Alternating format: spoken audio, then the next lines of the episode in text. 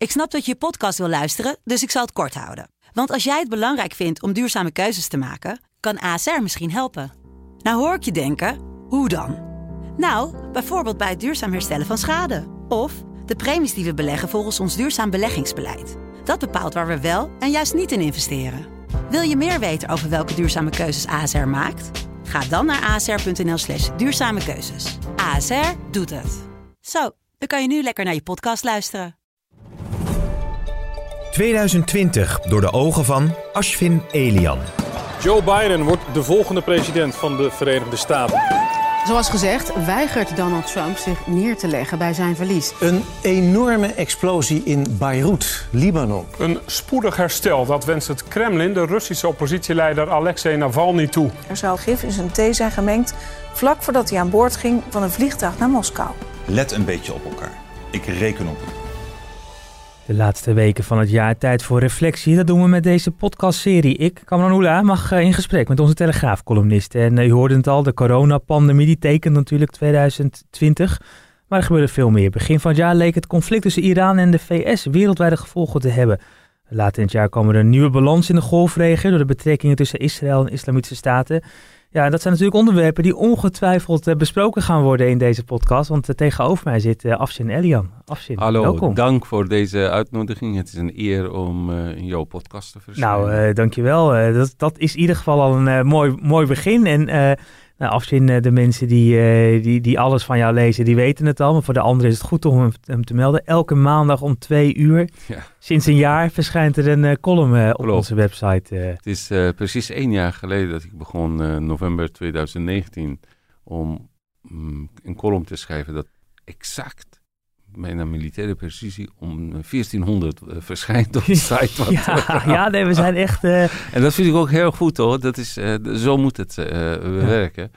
En ben ik heel blij en e echt voel ik me heel erg thuis. Maar het is ook een hele goede krant. Als je kijkt, jullie hebben vijf columnisten, echt hele goede columnisten op, op de site. En dan heb je vijf ook nog in de krant, naast allerlei kleine ja. teksten, columns, mm -hmm. die worden ook geschreven.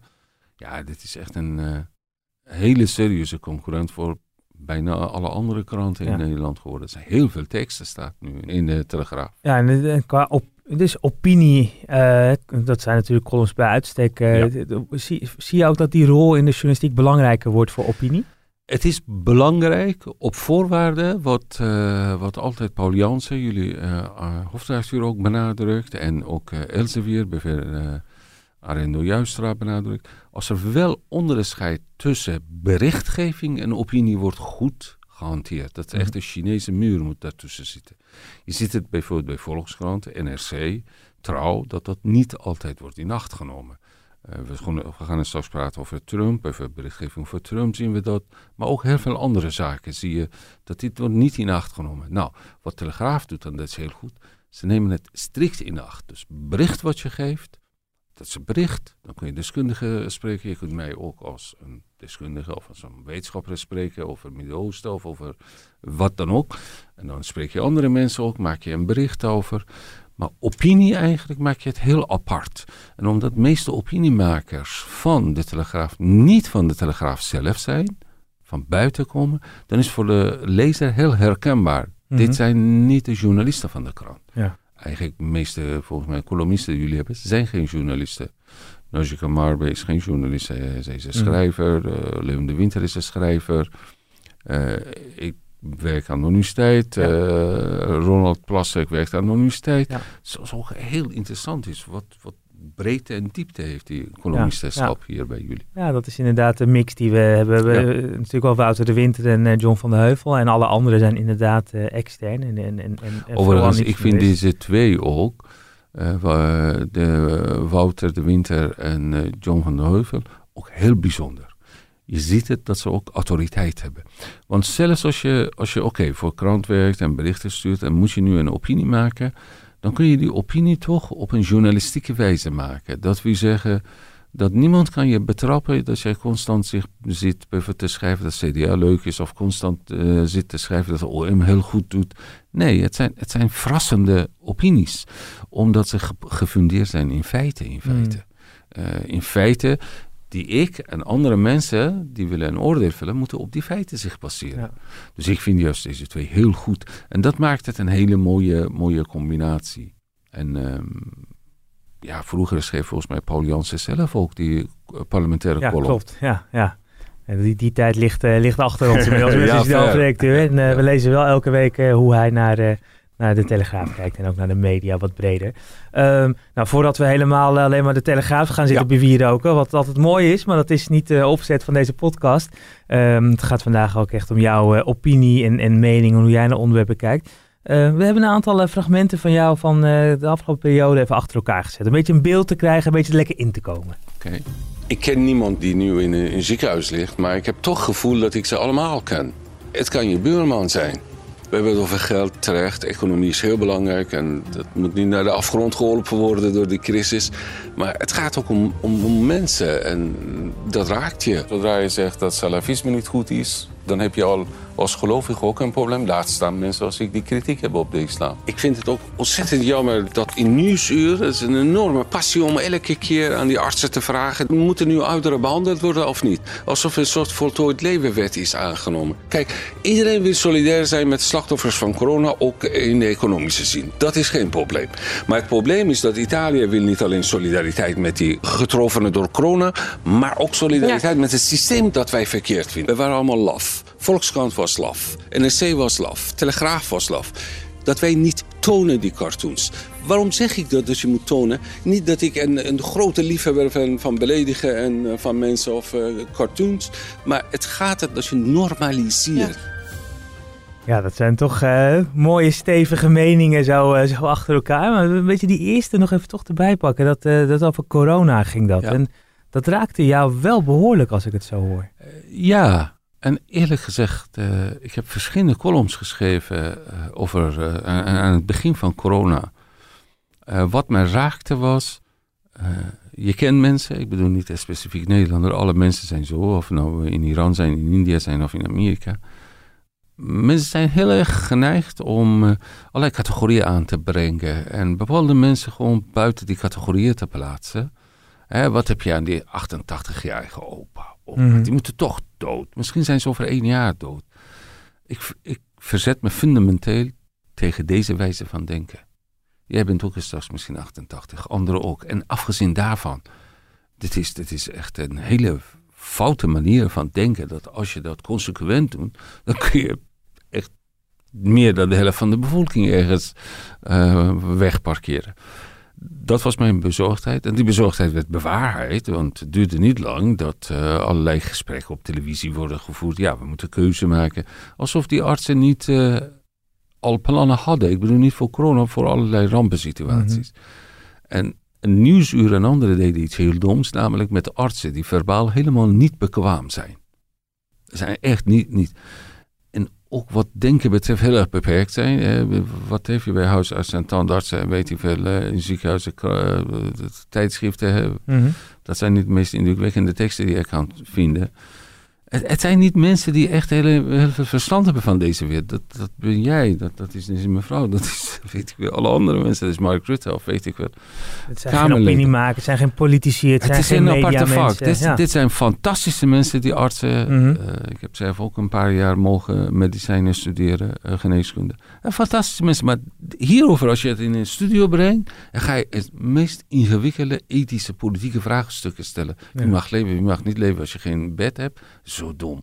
Dat moet je niet doen. Dan krijg je ook soms van die rare antwoorden die zij achteraf misschien een spijt van hebben. Ja. Dat, dus mijn uitgangspunt werd, en ik ben heel blij dat de uitgangspunt van eigenlijk meerderheid van het parlement en de Nederlandse regering was, saamhorigheid. Mhm. We hebben een ramp te verwerken. Het is, eh, het is niet door fout van, van iemand in Nederland ontstaan. Het is gewoon een ziekte, infectieziekte, verspreidt zich in de wereld. Nu moeten we dit bestrijden. Moeten we samen doen. En dan elke keer natuurlijk moet je moeilijke beslissingen ook nemen. Dat, Ja. dat ontkende ik toen niet, nu ook niet.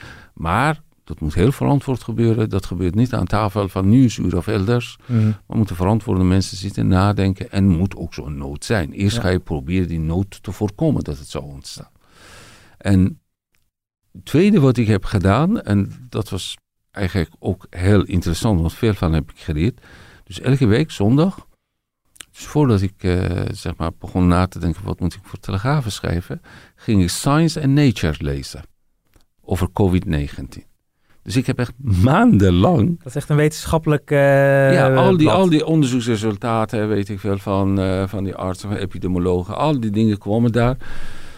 Ik probeerde te lezen en te begrijpen. En het was voor mij vakmatig ook heel belangrijk, omdat ik geef een soort wetenschapsfilosofie aan mm -hmm. juristen, waar de vraag altijd centrale staat: waarom een theorie geldigheid kan claimen. als je 50 keer hebt gezien dat er zwanen wit zijn, kun je zeggen alle zwanen wit zijn. Mhm. Hoe vaak moet je iets waarnemen tot je een, uh, totdat je een universele uitspraak doet? Dus voor mij was heel erg interessant, want het is echt iets alleen maar met waarnemingen, microscopen en zo. Dus dat was heel interessant te kijken hoe ze tot geldigheid van een uitspraak komt. Maar tegelijkertijd vond ik eigenlijk een morele plicht van mij. Als ik hier opinie maak voor telegraaflezers, voor politici die het lezen, dan moet het goed gefundeerd zijn. Je moet geen apen, apen weet je wat, noem je dat, broodje aapverhalen verkopen aan mensen. Heb je daar ook aan geërgerd dat dat, uh, want er wordt vaak over die talkshowtafel gesproken, of dat er te veel mensen maar dingen riepen dit, dit hele jaar zonder dat echt soms, te verdiepen? Soms was het wel uh, zo het geval, uh, dat ik het gevoel had dat ineens het een soort voetbalwedstrijd wordt uh, uitgevoerd. Voetbalwedstrijd is nationaal team van Nederland speelt Oranje. En dan uh, alle 16 miljoen mensen zijn coach geworden. Ja, ja, en die ja. weten precies wie waar op welke positie moeten spelen. maar in het algemeen moet ik zeggen dat ja, bijvoorbeeld RTL 4 en anderen deden het heel goed in het begin. Vooral indringendheid van verhalen van mensen vertellen. Mm. En dat deed Telegraaf ook. Kijk, bijvoorbeeld in Telegraaf heb ik gelezen, bijvoorbeeld een meisje van 22 dat een been heeft verloren Mm. door corona. Hè? Want vaak wordt gezegd, als je gezond bent, als je sport, hè, dan overkomt je niet. Of een tijdje geleden stond er iemand die, weet je, 30 jaar oud was of 35 jaar Ja. oud. Een hele sportief persoon dat die overleden is door corona. En als je die, die, die verhalen eigenlijk bevestigt, hè, dat, het, dat, het, dat, het, dat die solidariteit en saamhorigheid buitengewoon van belang is. En vergis je niet, ik ben een liberaal, dus ik vind het heel belangrijk dat de winkels open gaan en mensen gaan geld verdienen. Maar, eh, dus dat verwaarloos ik nooit. Maar ik weet dat je in een kerkhof kun je niet zoveel geld verdienen, behalve bloemetjes verkopen. Dus we moeten zorgen dat die ziekte heel snel weg is. En ik was erg onder de indruk van de toespraak van Mark Rutte. Ik vond het echt indrukwekkend, die, die eerste toespraak. Let Uit het torentje in, Ja, uit het torentje. ja. Het was echt indrukwekkend. En eh enorm indruk heeft gemaakt. Niet alleen op mij, denk ik, maar miljoenen mensen. Ja. Kijk, natuurlijk politieke meningsverschillen kunnen zijn. Heeft Rutte dat goed gedaan, dit goed gedaan? Al dat soort discussies weet ik, dat horen bij Mhm. democratie. Moeten gevoerd worden. Maar die toespraak was geweldig. Ja. En tot nu toe echt op een geweldige manier heeft leiding gegeven. En dit toch de grootste uitdaging na 1945. Ja. Na de Tweede Wereldoorlog. En Voor jou persoonlijk, want eh, je vertelde net al, je doseert aan de Universiteit Leiden. Eh, ik kan me voorstellen dat het ook een eh, heel raar jaar was. Je hebt de studenten waarschijnlijk een groot deel van het jaar niet meer gezien. Ja, dat was een heel raar jaar. Ik werd erg geëmotioneerd van, want ik dacht, wacht even. En wat doet een despot, een tiran met je? Een tiran regeert wanneer mensen individuen worden die in een eigen hokje worden geplaatst. En elkaar moeten vertrouwen, niet meer wantrouwen. Dus Mhm. dat is de basis van de tirannie. Dan kun je gezellig 70 jaar regeren en van tijd tot tijd mensen dood ook. Een ziekte, een infectieziekte, veroorzaakte dat voor ons. We, eigenlijk, mensen moeten elkaar wantrouwen, dus afstand houden, niet dicht bij elkaar komen, allerlei maatregelen nemen, wat allemaal begrijpelijk is. Maar ik vond het wel een beetje zorgwekkend, want mensen kunnen radicaliseren, mensen kunnen psychisch doordraaien. En dat soort gevallen heb ik ook in mijn omgeving gezien. Dus op een gegeven moment heb ik met mijn, met mijn clubje van mensen, dat wij onderwijs geven, eh, toen eh, heb ik gezegd, eh, we gaan eventjes vergaderen. Dus leren hoe je vergadert eigenlijk via internet en zo. we geleerd hele snel. Eh, en heb ik gezegd, ik ga een verhaal vertellen volgende keer. Bij Eerste Hoorcollege, dat zijn zo'n 1500 studenten. Maar dan ga ik live geven, live stream doen. Dan ga ik een verhaal vertellen. Toen ik kind was, had ik gehoord in Iran. Over Vietnamezen. Toen die Vietnamezen in oorlog verkeerden met Amerikanen. Hè, die waren meester in het bouwen van tunnels en zo. Mhm. En een stad onder een stad hadden ze gebouwd in die tijd. Maar ook scholen hadden ze gebouwd in die tunnelgangen.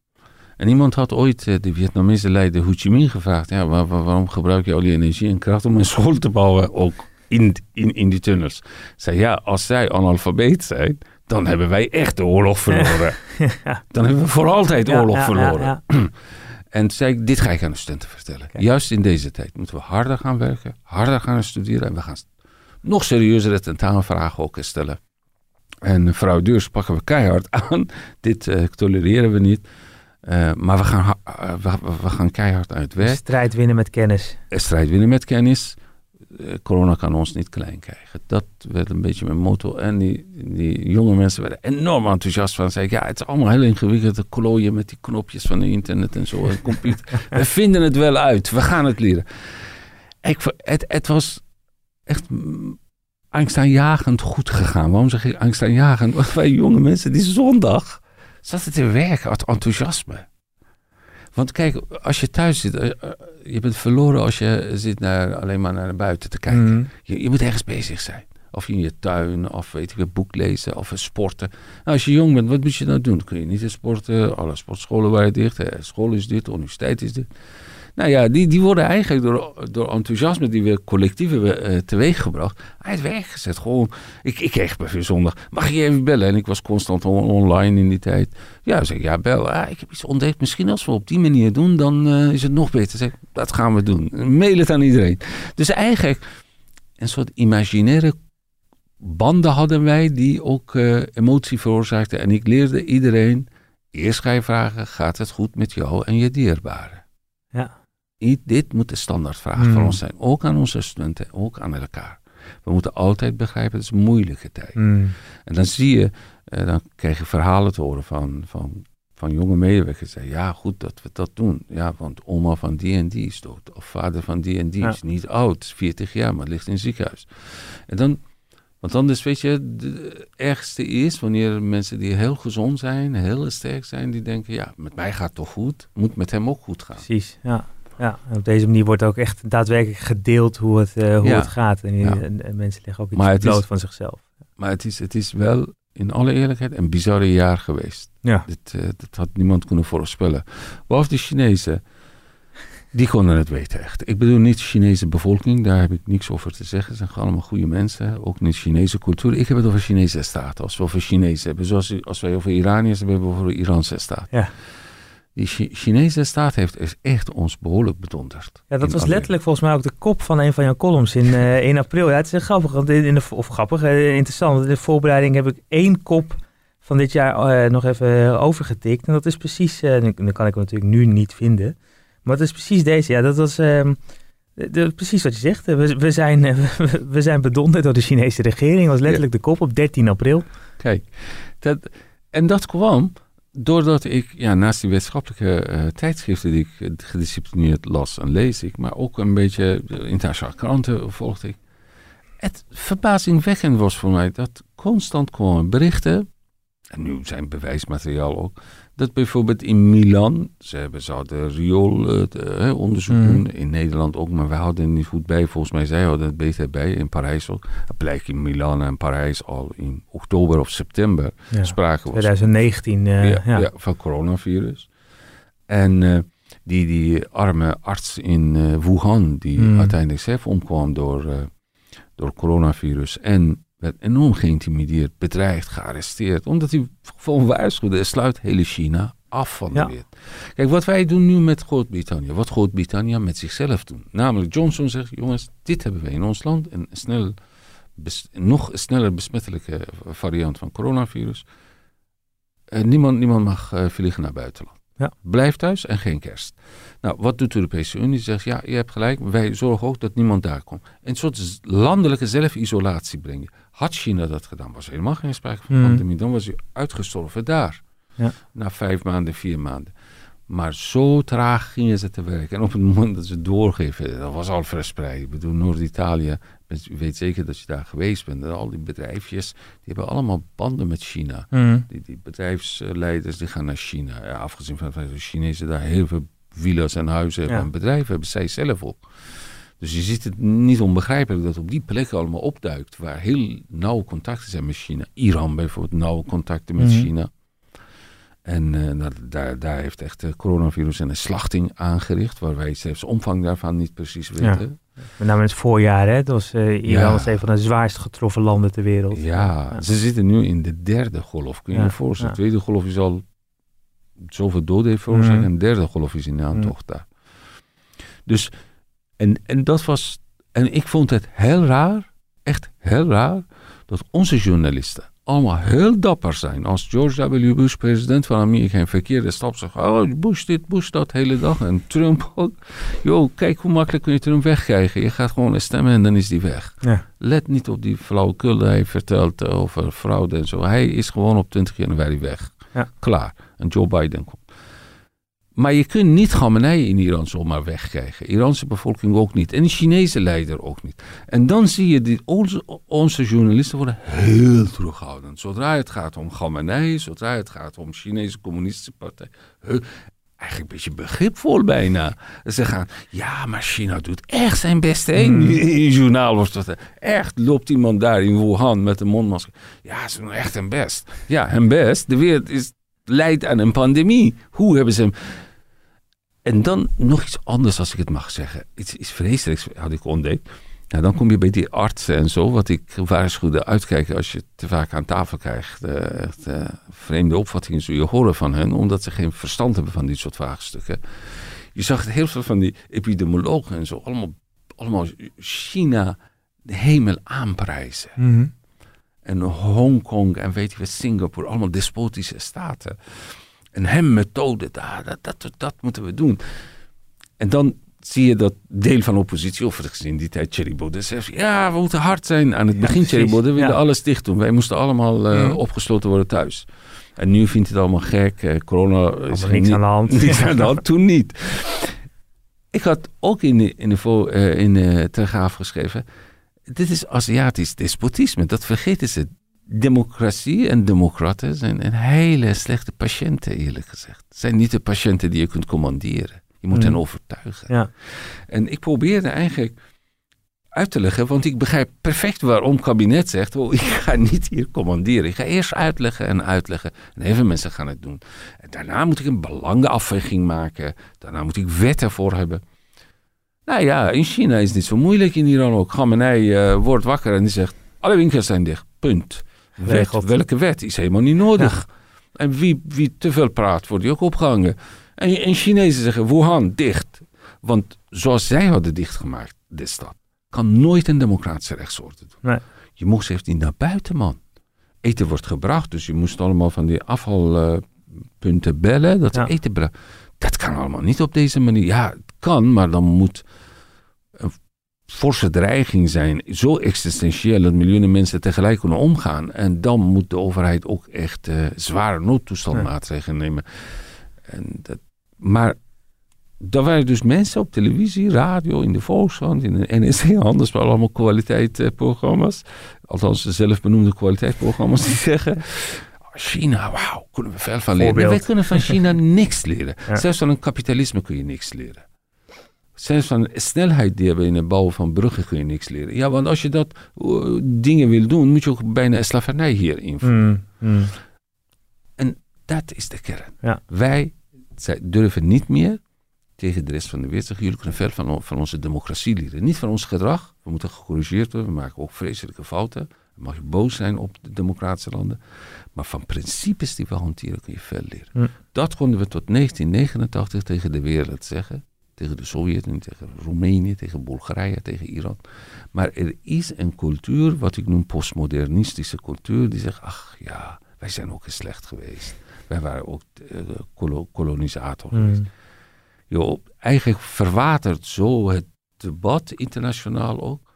Dat niemand kan tegenwoordig een beroep doen op beginselen van menselijke waardigheid of democratie. Ja. Ja, China werd echt zo.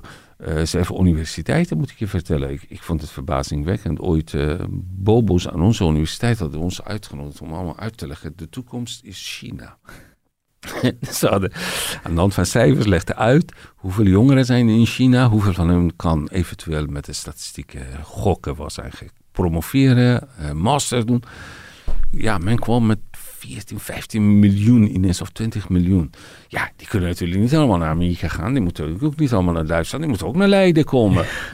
Ik was de enige idioot die zei, eh, ja, maar eh, oké, eh, ze komen hier, maar belastingbetaler betaalt voor het kind van die loodgieter. Ja.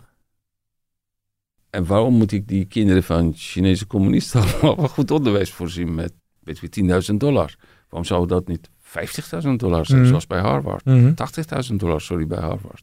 En die gaan dan weer terug naar zei, China. ja, maar dit is, eh, dat, dat, dat, dan komen ze het allemaal niet hier. Zeg ik, nou, waar gaan ze naartoe dan? Wij, wij beweren toch dat we het beste zijn. Maar ergens het deel daarvan was dat men ontzettend trots was op Groningen. En we moesten allemaal Groningen nadoen. Om een dependant te maken in China. Dus met belastinggeld van de Nederlandse bevolking gaan we in een totalitaire staat, China, gebouwen ma- bouwen, een universiteit opzetten, waar studenten kunnen wifi niet gebruiken, omdat jouw de Chinese regering gaat te zwarte de telegraaf niet lezen, een hele rare krantje. Ja. Eh, nee, nee, nee, dit allemaal niet, dit allemaal niet. Dus we, we gaan eigenlijk censuur eh, niet alleen legitimeren, maar meewerken. Mhm. Soms is het onontkombaar. Ik bedoel, onze diplomaten als ze ergens zijn of hij reizen ergens, oké, we nemen het in acht. Maar dit is afgedwongen. Maar dit gaan we vrijwillig doen, omdat wij denken, China is de toekomst. Die 10 Precies. miljoen, Ja. eh, we moeten ook een beetje geld verdienen aan het. Absurde idee. Wanneer is een idee universiteit ontstaan dat geld moet verdienen? Universiteit is helemaal niet om geld te verdienen. Universiteit is om onderwijs te geven en onderzoek te doen. Nou hopelijk, eh, hopelijk is dat misschien een beetje de bijwerking van dit coronajaar. Dat, dat, dat men inziet, oh ja, dat China, dat, eh, waarvan zo'n beeld wordt geschapen van geweldig. Ja. Dat, dat, er zit ook een andere kant aan dat, eh, aan dat China. Ze zijn overigens gestopt. Groningen is gestopt. Ook eh, Zweden was afgelopen zomer, volgens mij, nee, zomer daarvoor 2019, met een rapport kwam Zweden dat Confucius Stichting van China, dat is eigenlijk een inlichtingenmantel voor China aan universiteiten overal, want, want ze doen niets anders dan het stelen. De Chinese regering is constant bezig met alles te stelen. Al hun kennis dat ze op dit moment hebben is op, meestal dat ze af op diefstal is gebaseerd. doet mij overigens denken toen ik in eh, vakantie in China was, eh, dat, dat, dat inderdaad, als ik dan de app van de Telegraaf opende, die deed het dan wel. Maar allemaal, allemaal gaten. Dus sommige verhalen die waren dan, die hadden, we- hadden waarschijnlijk woorden die niet mochten. En eh, die bestonden niet. Eh dat, dat, dat zit ik naar inderdaad een gecensureerde telegraaf.nl te Ja, volgens mij kijken. Washington Post, New York Times, Verbazingwekkend. kun je helemaal niet op Nee, maken. nee, ja, het is echt bizar inderdaad. Eh. Ehm, eh, volgens mij hebben we heel veel over corona eh, nu al eh, be- be- besproken, maar laten we naar een ander onderwerp gaan. Een onderwerp volgens mij, wat, of nou niet volgens mij, dat weten we allemaal, jou echt zeker ook raakt. En begin van het jaar, voordat die hele coronapandemie losbarstte, zo'n eerste week januari, dachten we nog eigenlijk dat, dat dit jaar op een heel andere manier misschien wel zou gaan. En dat we misschien wel naar een oorlog gingen. Want eh, tussen Iran en de, de VS eh, nam de dreiging behoorlijk toe. Laten we even luisteren naar een beetje een soort eh, compilatie, wat fragmenten uit, uit die periode. Die we volgens mij allemaal weer, jij niet, maar de meeste luisteraars waarschijnlijk alweer helemaal vergeten zijn. De Amerikanen doden generaal Soleimani, de belangrijkste militair van Iran. Een Boeing 737-800 dat van de Iraanse hoofdstad Teheran naar Oekraïne zou vliegen... is vlak na het opstijgen neergestort. Dat zou best wel eens een explosie kunnen zijn, dus een aanslag is niet uitgesloten. Allereerst wil ik mijn medeleven uitspreken naar de nabestaanden van die verschrikkelijke vliegramp in Teheran, die natuurlijk een onderdeel is van een heel groot aantal ontwikkelingen de afgelopen tijd. Ja, als laatste horen we minister Blok eh, en generaal Soleimani. hè, en, en samen, samen met een andere generaal volgens mij een droneaanval. Wat was het, 3, 4 januari? Eh 3 januari, Ja. denk ik. Nou, even heel kort, want mensen zijn het misschien vergeten. Ja. Heel kort, eh Soleimani, Iran heeft, eigenlijk enige land is op aarde, na het opheffen van nationaal socialisme, dat een aparte leger heeft Hm. voor de ideologie van de staat. Duitsers hadden SS, Iran heeft revolutionaire garde. Dus naast het leger, hè, gewone leger, naast gewone politie, naast gewone inlichtingendienst, heeft Iran een aparte leger, een grote, die ook eh raketopslagplaatsen van Iran controleert, onder, onder toezicht heeft, eh, nucleaire programma, alles. En ze hebben hun eigen gevangeniswezen. Maar ze hebben nog iets anders, dat, dat, dat de vergelijking met SS heel interessant maakt. Ze hebben ook een internationale tak. Hm. Dat had SS ook, Waffen-SS. Dat zijn dus internationale enthousiastelingen, dus maar jihadis die met Iran samenwerken, die daaraan gesloten zijn. En dan moet je niet denken alleen maar aan Afghanen of Pakistanis of Irakezen. Nee, Nigeria, Kenia, heel veel landen. Hm. Al jihadis gaan daar eh, trainingen volgen, Palestijnen. En die zijn, en die Soleimani was de leider dus van die buitenlandse tak van Quds. En dat was heel belangrijk, omdat als je kijkt naar regionale conflicten, denk aan eh, Syrië. Syrië, eigenlijk aan de kant van Assad, één generaal leidt de hele oorlog, dat is Soleimani. Met, eh, vroeger noem je dat misschien eh, vreemdelingenlegioen, huurlingen, maar nu moet je zeggen ideologische jihadisten aan de kant van Iran. Die vechten daar. Eh, denk je aan Jemen, uh, Ansar Allah, Mhm. is helemaal wordt geleid door Soleimani mensen. Denk je aan iets van 14 of 15 milities in Irak, Hashad al-Shaabi, grootste daarvan is. Die worden allemaal opgericht door eh, Soleimani en worden geleid door Soleimani. Nou, dat is het dus de achtergrond. Wij hebben hier niet te maken met een gewone zaak. Nog interessant is, eh, we horen hier in het journaal en zo allemaal hele, eh, ineens hele neutrale berichtgeving alsof een generaal zoals Dick Berlijn van Iran is gedood. Mhm. Soleimani stond op de lijst, terrorisme-lijst van de Europese Unie op de 18e plek. Precies onder Mohammad Bouiri. Maar niemand heeft dat verteld aan de Hm. Nederlandse bevolking. Want dan moet je een hele andere berichtgeving geven. Mhm. Het is een terreurleider die is gedood. Ja. Oké, je kunt oneens zijn of het noodzakelijk was, proportioneel was, legitiem is, allemaal discussies. Mee eens, kunnen we voelen. Maar het is niet zomaar een generaal. Het is een opperhof van terroristen. Dat staat gewoon in het besluit van de Europese Unie ook. Mhm. Eh, en, en dat werd niet gemeld. Toen op een gegeven moment WNL vroeg mij eh, daar te komen commentaar te geven, zei ik kom op één voorwaarde. Anders ga ik halverwege weglopen. Want die leugen moet nu eens stoppen dat hij een gewone man is. Dat jullie een projecteren besluit van de Europese Unie, de lijst, even omcirkelen waar zijn naam staat, zijn paspoortnummer, alles. Nou, zei, dat gaan we doen. En dat was echt schokkend voor heel veel mensen. Ik kreeg e-mail van mensen, jeetje, het is niet zomaar een generaal. Nee, die, die generaal en zo, het is allemaal van die, van die titels die zijn aan elkaar gegeven. Het is gewoon een terreurleider, zoals Bin Laden. Maar het verschil is, nog erger dan Bin Laden, hij is een statelijke man. Mhm. Oké, Amerikanen werden aangevallen constant. Een ambassade werd aangevallen. Vier, vijf Amerikanen zijn in de gedood door die milities. Amerika heeft constant waarschuwingen afgegeven. Ze hebben niet geluisterd. En toen dachten de Amerikanen, nou, we moeten nu iets gaan doen. Want dit gaat alleen maar toenemen en nog meer Amerikanen om het leven komen. En degene die het organiseerde, al die aanslagen, was Soleimani. Interessant is, precies een paar maanden daarvoor, BBC had een documentaire over Soleimani. Daarin sprak BBC met generaal Petraeus. Zeer onverdachte man. Man van Obama. Mhm. Obama benoemde hem tot chef van CIA. O- Obama benoemde hem tot eh, legerleider in Afghanistan ook. Ja. Zeer onverdacht, dus in de discussie tussen rechts en links zeer onverdacht. Met hem werd eh, eh, gesproken over Soleimani voor de dood van Soleimani was. Hij zei, de meeste Amerikanen misschien zijn gedood door die Soleimani in, in Irak. Ja.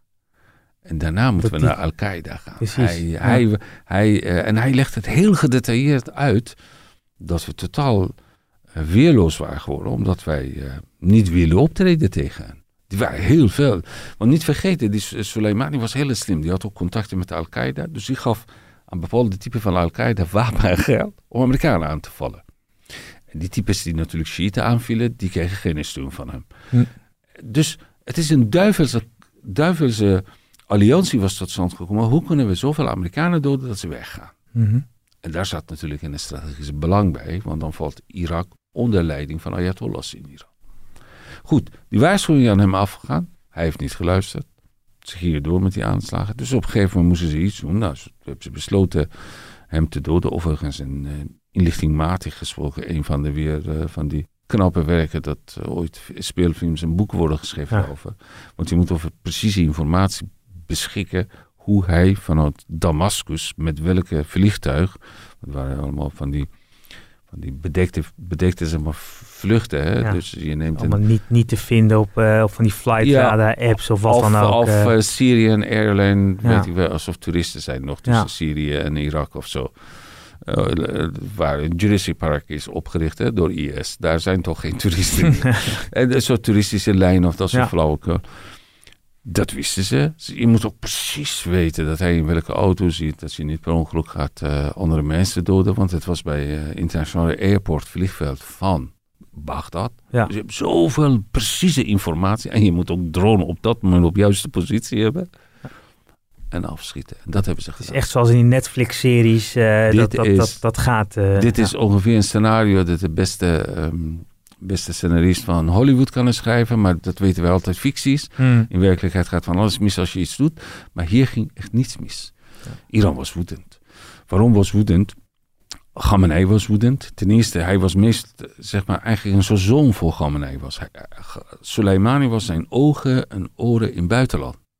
Bui- minister van Buitenlandse Zaken van Iran stelt niks voor. Het is Soleimani. Die is de baas van buitenlands beleid van Iran. Dus wat er gebeurde was, hij was boos. En eh, eh, ik werd heel vroeg wakker gemaakt door mijn vrouw. zei, hey, kom, Haj Qassem is dood. Ja. Iranië noemen hem. Haj Qassem, ja, het is helemaal dood. Amerikanen hebben hem gedood. Dus ik moest echt rennen naar de televisie kijken. Ja, die is dood. En eh, Iran probeerde emotie te veroorzaken in Westen ook. Ik weet niet of ik daarover heb geschreven, anders moet ik heel vaker schrijven. Gedraag je niet als nuttige idioten voor despotische staten. Dat is echt gevaarlijk. China, Iran, Rusland, dat zijn echt Noord-Korea. En Maar die probeerden dus dan onze emoties aan te wakkeren hier. Van Ja, hè, er is ze- iets heel ergs gebeurd. Ze kennen jou heel goed. Ze, ze zeggen, ja, kijk, Trump deugt niet. Daar ben je toch met mij eens, NOS? Denkt een Iraanse Mhm. inlichtingman. Ja, ja, ja, ze haat het. Oh, prima. Die vent is toch een eh, gekke man. Ja, die wil een wereldoorlog ontketenen. Ja. Oké, en dit is illegale actie. We gaan hem constant noemen generaal, generaal, generaal. En niet commandant van de revolutionaire garde. Precies. Want dan gaan mensen eigenlijk vo- voluit betekenen commandant van de islamitische revolutionaire garde. Want als je dat gaat constant voorlezen en mensen denken, hm, islamitische revolutionaire garde, wat is dat? Ik ga eens even googelen.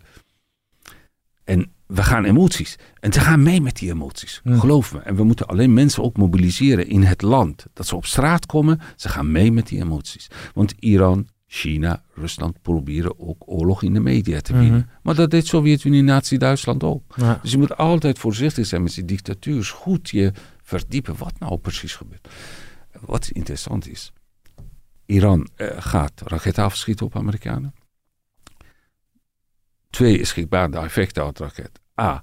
Nu hele Europa is overtuigd geraakt dat de Amerikanen hebben hen nooit voorgelogen. Die raketten gaat Iran echt afschieten. En die raketten echt precies zijn, bereiken hun doel. Nu zelfs eh, alle inlichtingendiensten, ook in Nederland, in Italië, weten, ja, Bush had altijd gelijk dat hij waarschuwde voor die raketten van. Mhm. Die zijn echt serieus. En die zijn niet de grootste raketten die Iran heeft afgeschoten. Tweede eh, kwestie was, wat zou de reactie van Amerika zijn? Ja, die gekke Trump toch? Dit is toch een mafkees, die gaat nu alles wat Amerika heeft, zeg maar, porten Ja. van de hel openmaken in het Midden-Oosten.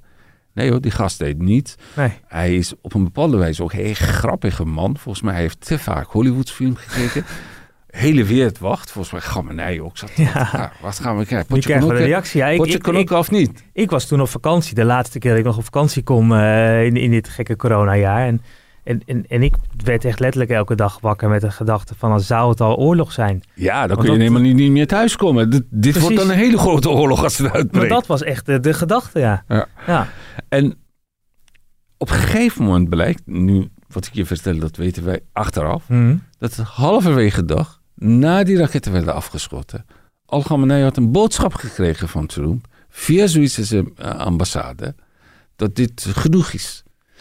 Omgekeerd, Khamenei had via Zwitserse ambassade voor de aanval, uurtje voor de aanval, boodschap gegeven dat wij gaan vanavond wreken. En iedereen wist waar het naartoe zou gaan. Daarom geen doden gevallen, geen gewonden. Khamenei wist, als een Amerikaan doodgaat, of er zwaar gewond raakt, dan is onontkombaar voor commander of chief van Amerika om iets te doen. Minstens een raket moet hij op jou afschieten. Maar als niemand doodgaat, dan hoeft niks te gebeuren. Eigenlijk, je kunt zeggen, twee eh gokkers stonden tegen elkaar. Ja. Die geven eh, joker aan elkaar ook. Trek je mensen in, in, in, in, in, een eh, kelder, dat ze niet eh, doodgaan. En die andere trekt joker, ja, 8, 9, klaar hoor. Een beetje schade en klaar. Dan gaan we niks meer doen. Dit, dit, dit is gewoon Cuba-crisis op topniveau. Dat Ja. het perfect werd opgelost. Ja. Ik bedoel, kijk, al die emoties over Trump, ik begrijp het volkomen. Ik ik ben geen Trumpist of zo, maar ik kijk heel objectief. Of Trump heet of Biden heet, ik ga kijken naar handelingen van die Mhm. mensen, wat ze allemaal veroorzaken. Zeker, over corona heeft Trump vreselijke dingen gezegd en gedaan. Absoluut. En een heleboel, het is sowieso taalgebruik van Trump is niet wat wij eh, zouden Mhm. moeten waarderen. Maar dit is wel één ding, dat, dat dit wat hij hier heeft gedaan, Brei, is te vergelijken met Cuba-crisis. Mhm. En w- wereldoorlog heeft hij echt voorkomen hier. Ja. En tegelijkertijd een strenge message gegeven aan Iran. Want weet je wat het gek is? Ik ben zelf ook vergeten verge- vertellen. Het ging niet alleen aanvallen in Irak. Het ging aanvallen op Armaco, grootste oliebedrijf op aarde. Ja. Door 17 Iraanse drones. Waar eh, prijzen gingen omhoog. Waar eh, 30% olieproductie ging omlaag. En nog een eh, paar eh, aanvallen met mm, eh, zeemijnen op tankers, olietankers. Dus Iran was al één jaar, anderhalf jaar constant bezig prikjes uit te delen. En dan ben je zelf beheerst. Dat is geweldig. Dat is echt leiderschap. Hm. Is echt totaal, hij toonde echt dat op dat gebied juist heel erg goed heeft gehandeld. En, Laten, laten, maar de- ja. e- even nog Ja, iets aan ja. toevoegen, want zijn we vergeten. Want in jullie berichtgeving was Oekraïnse vliegtuig. Ja, klopt ja. In diezelfde week, dus nadat Iran die raket heeft afgeschoten, blijkt op diezelfde avond een Oekraïnse vliegtuig boven Teheran werd neergehaald. Is gewoon een passagiervliegtuig. 176 passagiers, allemaal... eh, Canadees, dood. Iraniërs, Russen, weet je wel, Oekraïners. Meeste waren Iraniërs, maar ze zijn allemaal dood. En gedurende vier, drie, vier dagen. Iran zegt, we weten niet, het moet technisch zijn en zo. Terwijl overal kwam berichten. De Oekraïnse regering zegt, zei, nee, het was gewoon een raket. Ja, Volgens, precies, volgens ja. ons. Canadese inlichtingendienst zei, nee, het was gewoon een raket. Omdat Canadese burgers waren omgekomen. Ja. Eh, MIVD zei, ja, wij gaan ook ervan uit dat niet door techniek, maar door een projectiel is neergevallen. En toen op een gegeven moment dat het hek van een dam was, dat konden ze niet meer geheim houden. Dus drie, vier dagen hebben ze geheim gehouden. Zelfs hebben ze gesuggereerd eventueel Amerikanen hebben neergeschoten. Ja. ja, dat zou zo gek zijn om een raket af te schieten. Ja. Ook deze vliegtuig duizend kilometer verderop met burgers en toen op een gegeven moment kwam, eh, kwam eh, die de voorvertegenwoordiger van de luchtvaartdienst van Iran zei, ja, dat was door een raket, onze eigen raket, neergehaald. En toen begonnen demonstraties in Iran. Verbazingwekkend.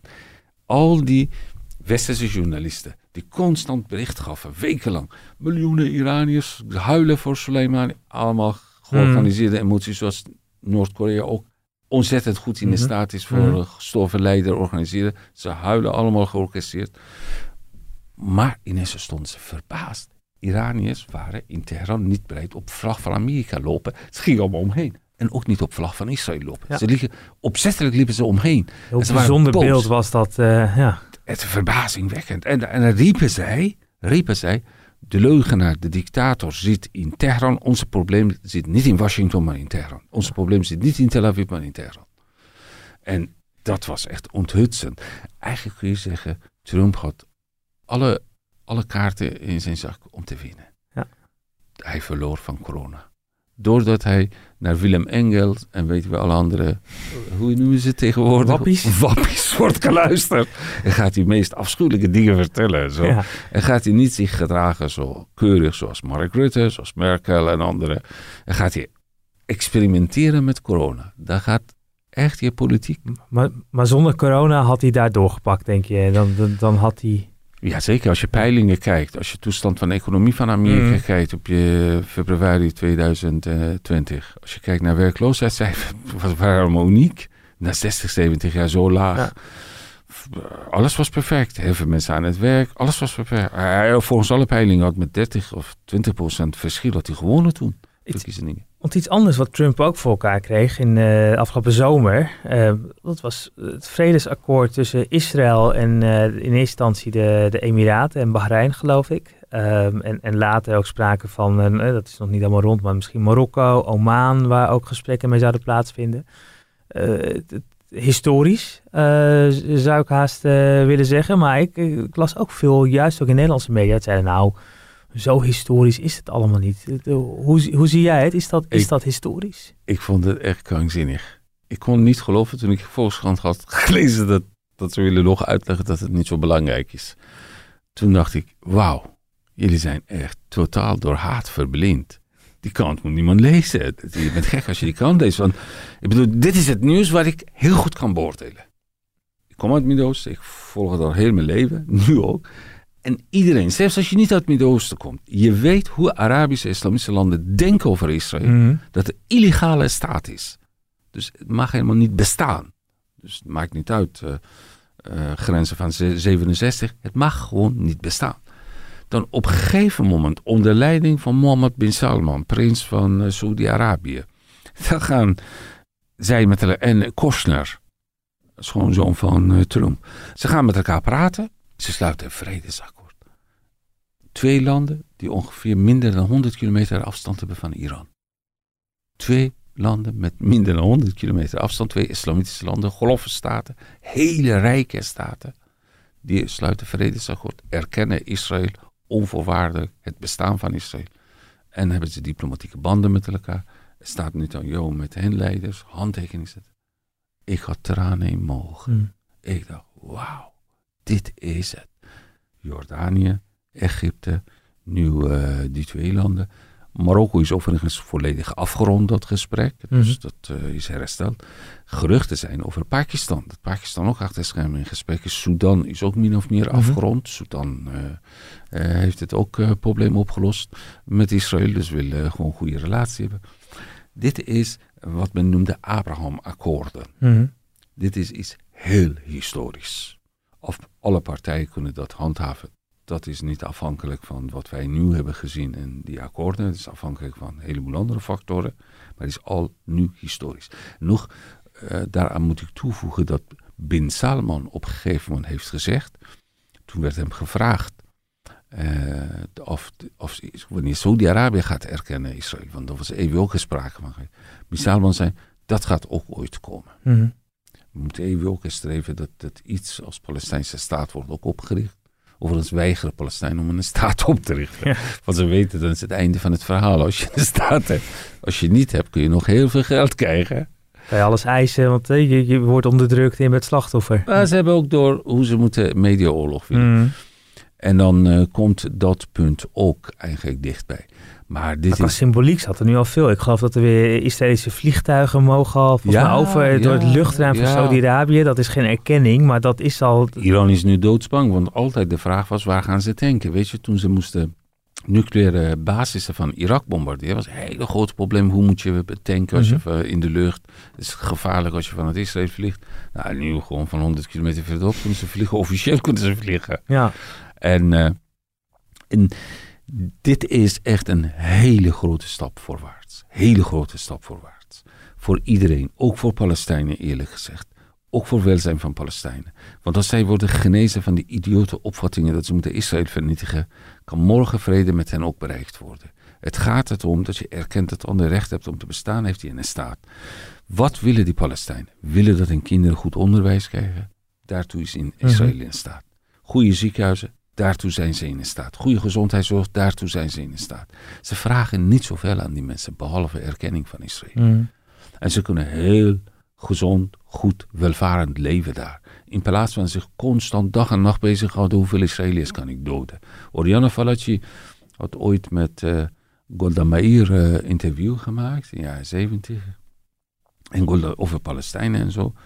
En Fallaci natuurlijk een eh, links, links journalist uit eh, Italië in die tijd. Was helemaal gesmolten door die waarachtigheid en passie van eh, Golda Meir. Golda Meir zei, ja oké, ik heb hier een boek, lesboek van Palestijnse scholen. Wat ze leren, wat hen Arafat leert in die kampen, Mhm. Palestijnse kampen. Als jij niet kunt Arabisch lezen, laat iemand anders voor je vertalen. Wij hebben een kopie voor je gemaakt. Er stond, hoe leerden kinderen rekenen? Je hebt vijf Israëliërs. Als, als je drie hebt gedood, hoeveel zijn ze? Ongekend. En Golda Meir zei, zolang dit is, ik moet tot tanden bewapend zijn. slim Mhm. zijn, dat we niet laten uitroeien. Eén keer gebeurde in Europa, dat gaat hier niet gebeuren. Mhm. En daar heeft hij gelijk in. Ja. Daar heeft hij gewoon toen gelijk gehad, nu ook.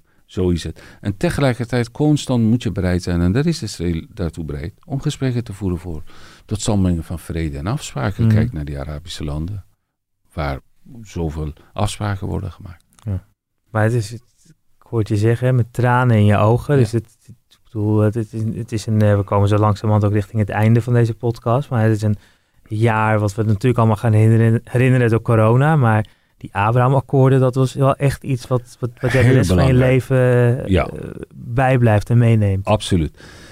Kijk, ik kom oorspronkelijk uit een land waar per jaar miljoenen, eigenlijk miljarden, inclusief Hezbollah en Ansar al, eh, Ansar Allah in Jemen en andere groepen, miljarden, wordt uitgegeven om Israël te vernietigen.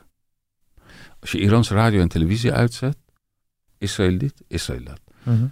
Vlaggen van Israël, volgens mij meer in Iran kun je vinden dan in Israël. In Iran om te verbranden. Als je dit ziet, 40 jaar een volk wordt met antisemitisme vergiftigd. Dag en nacht.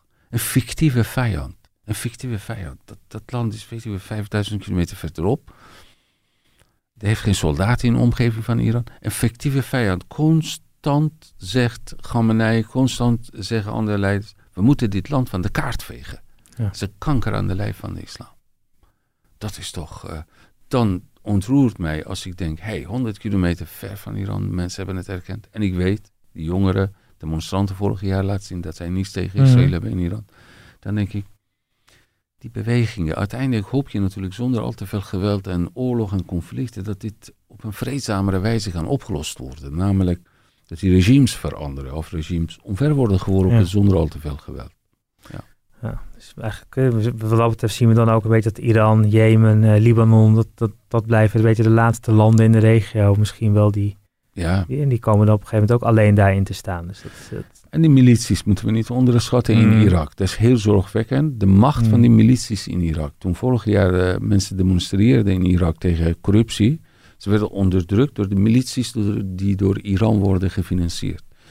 Dus dat is wel een hele grote probleem nu in Irak. Irakse milities die van Quds zijn, door gesto- gedode generaal of commandant werden opgericht. Het blijft het een strijd. Het, is, het lijkt op een guerrilla-oorlog. Ene dag hebben wij het dorp, andere Ja. dag hebben zij het dorp. Een dorp is beschaving. en dit kan, ik wil niet eh, pessimistisch doen, maar dit kan nog één eeuw duren. Mm. Kijk, godsdienstoorlogen in Europa duurde volgens mij iets ook van één eeuw. En een kwart van de Europeanen zijn omgekomen Ja. door die domme oorlog. Nou, dat kan daar ook gebeuren. Daarom is het zo belangrijk dat, dat ik constant zeg, migratie moet onder controle komen van de overheid. Dus niet zomaar van Midden-Oosten en hele Noord-Afrika mensen hierheen komen. Dus beperking van de migratie door het onder controle te krijgen. Integratie bevorderen en uitkijken voor die radicale islam. Een ontwikkeling van radicale islam in onze steden. Omdat deze strijd is niet iets dat je, dat je als je Bin Laden hebt gedood, dan denk je, klaar. Nee hoor, dan komt Baghdadi. Dood die Baghdadi, dan komt iemand anders. Eh, vanochtend eh, negen doden. Althans, de laatste cijfers waren negen. Mhm. Meestal eindigt met 90. Ja. Negen doden in Kabul. Grote aanslag. Eergisteren op, op een school in Ghazni in Afghanistan. 30 doden. Mhm. Constant die, die, die. Dus dan hadden wij in Nigeria gehad. Boko Haram had die kinderen ontvoerd. Het, het gaat gewoon door. Ja. Ik bedoel, eh, ook hier, hè, de, de moord op eh, Samuel Paty in Frankrijk. Goed, eh, geschiedenisleraar. En aanslag in Wenen. Ik bedoel, als die inlichtingendiensten niet hun werk zouden doen, als de alertheid bij de bevolking ook zou afnemen, dan zouden we een heel groot probleem hier Ja. hebben. Dus het is een strijd met lange adem. Je moet uitkijken dat je in die. Eh, Nietzsche zegt altijd, laat ik dit zeggen. Nietzsche zegt, eh, Duitse filosoof, als je in de afgrond kijkt, uitkijken dat de afgrond ook in jou kijkt. Dus als je wil monster bestrijden, uitkijken dat je niet monster wordt. Dus je moet ook altijd ook eh, zelfbeheersing tonen. Eigenlijk hebben wij veel geleerd van Trump in die, die. Komt ongeloofwaardig over, weet ik, als ik zeg dat we van Trump zelfbeheersing kunnen leren. Maar één voorbeeld heeft hij wel gegeven, dat was met Iran. Ja. Zelfbeheersing. en, en tegelijkertijd vastberadenheid, namelijk durven waarden van Europa uitdragen. Genoeg moslims zijn op aarde die waarden heel belangrijk Mm. vinden. Draag die waarden uit. Het gaat niet hoe mensen eruit zien waar ze geboren zijn. En hoe ze een stempel gekregen hebben dat ze moslim of boeddhist of weet ik, katholiek zijn. Het gaat het om die waarden die we moeten delen met elkaar. Mhm. Menselijke waardigheid, gelijkheid voor de wet. Gelijk, eh, ge- ge- gelijkwaardigheid van man en vrouw, hetero en homo's. En vooral vrijheid van meningsuiting en vrijheid van godsdienst. Ja, ja. Want de laatste vergeten wij altijd. Dat heel veel van die radicaal eh, moslimsclubjes kennen helemaal geen vrijheid van godsdienst. Islam kent het niet. En dat is ook een probleem. Dus ik bedoel, vrijheid van godsdienst betekent vrijheid om je godsdienst in openbaarheid te Mhm. leven. Ni- niet te doen of van godsdienst te veranderen. Mhm. Die drie elementen doen, Ja. niet doen of veranderen van een godsdienst. Dat, dat is een onderdeel van die vrijheid. We zouden nog uren hierover door kunnen praten. En ik, zei, ik, ik kan sowieso uren naar je luisteren. Er zijn nog zoveel onderwerpen waarvan ik denk... oh ja, Turkije eh, en, en de rol van Erdogan, eh, islamisme in Europa. Dat zijn ook nog onderwerpen eh, die, we, die, die we nu onbesproken laten... maar die gaan we ongetwijfeld in je columns komende jaar weer lezen. En, en, en wie weet kunnen we je nog een keertje voor een volgende podcast uitnodigen... om het daarover te, te hebben. Ehm, tot slot eh, dan nog twee welvragen die we aan iedereen stellen die in deze serie eh, langskomt. En dat eh, het zijn wat clichévragen, maar toch. Ehm, eh, ja, als we nu over twintig jaar hè, terugkijken naar dit jaar, hoe, hoe herinneren we 2020 ons? Wat, wat, wat wordt dit voor een jaar in de geschiedenisboeken? Een beproeving, rampjaar. Dat was natie, dus Nederlands volk, goed doorheen is gekomen. Toch dat optimisme en positief Ja, eh, ik geloof in de wijsheid, collectieve wijsheid die we hebben. Mooi. En, en, en ben jij tot slot van de, van de voornemens, heb je goede voornemens voor het nieuwe jaar? Nee, levensgevaarlijk. Ik heb het een paar keer in mijn leven geprobeerd. Het is juist is een vloek voor alle goede voornemens om het voor, voor Doe het niet. Doe het niet. Niet nodig. Nou, die boodschap die knopen ons in, eh, in onze oren. Dankjewel Afshin eh Elian eh, voor je aanwezigheid en bijdrage in deze podcast. En elke maandag twee uur met militaire precisie Ja. lezen we jouw column op, op de site en in de apps van, van de Telegraaf. Dank voor deze uitnodiging en ik wens jou en anderen hier en jullie dierbaren een goed, gezond, veilig 2021 toe. Dankjewel, insgelijks. En, eh, en u bedankt voor het eh, luisteren. U mag natuurlijk altijd een review achterlaten. En graag wijs ik je ook op de andere gesprekken in deze serie. Bijvoorbeeld met onze dinsdagcolumniste Kitty Herwijer. Luister ook naar het gesprek met haar. Dat gaat natuurlijk weer over millennials, waar zij veel over schrijft. En het gaat ook over het coronajaar, want daar kunnen we niet omheen. Je mag zeker kritische vragen stellen, maar die stellen zij eigenlijk niet. Die worden elke dag gewoon gesteld in de mainstream media, waar ze dan Mhm. zo'n godschuwelijke hekel aan hebben. Maar ik krijg altijd het gevoel dat, nou ik weet eigenlijk wel bijna zeker dat de mensen die de hele tijd afgeven op de media eigenlijk helemaal geen, ja ik denk niet dat ze ooit eh, de Telegraaf gewoon goed lezen Mhm. of eh, een andere krant. Of eh, Nieuwsuur gewoon elke avond kijken. Want daar komen heel veel van die kritische vragen die zij hebben, die komen gewoon langs.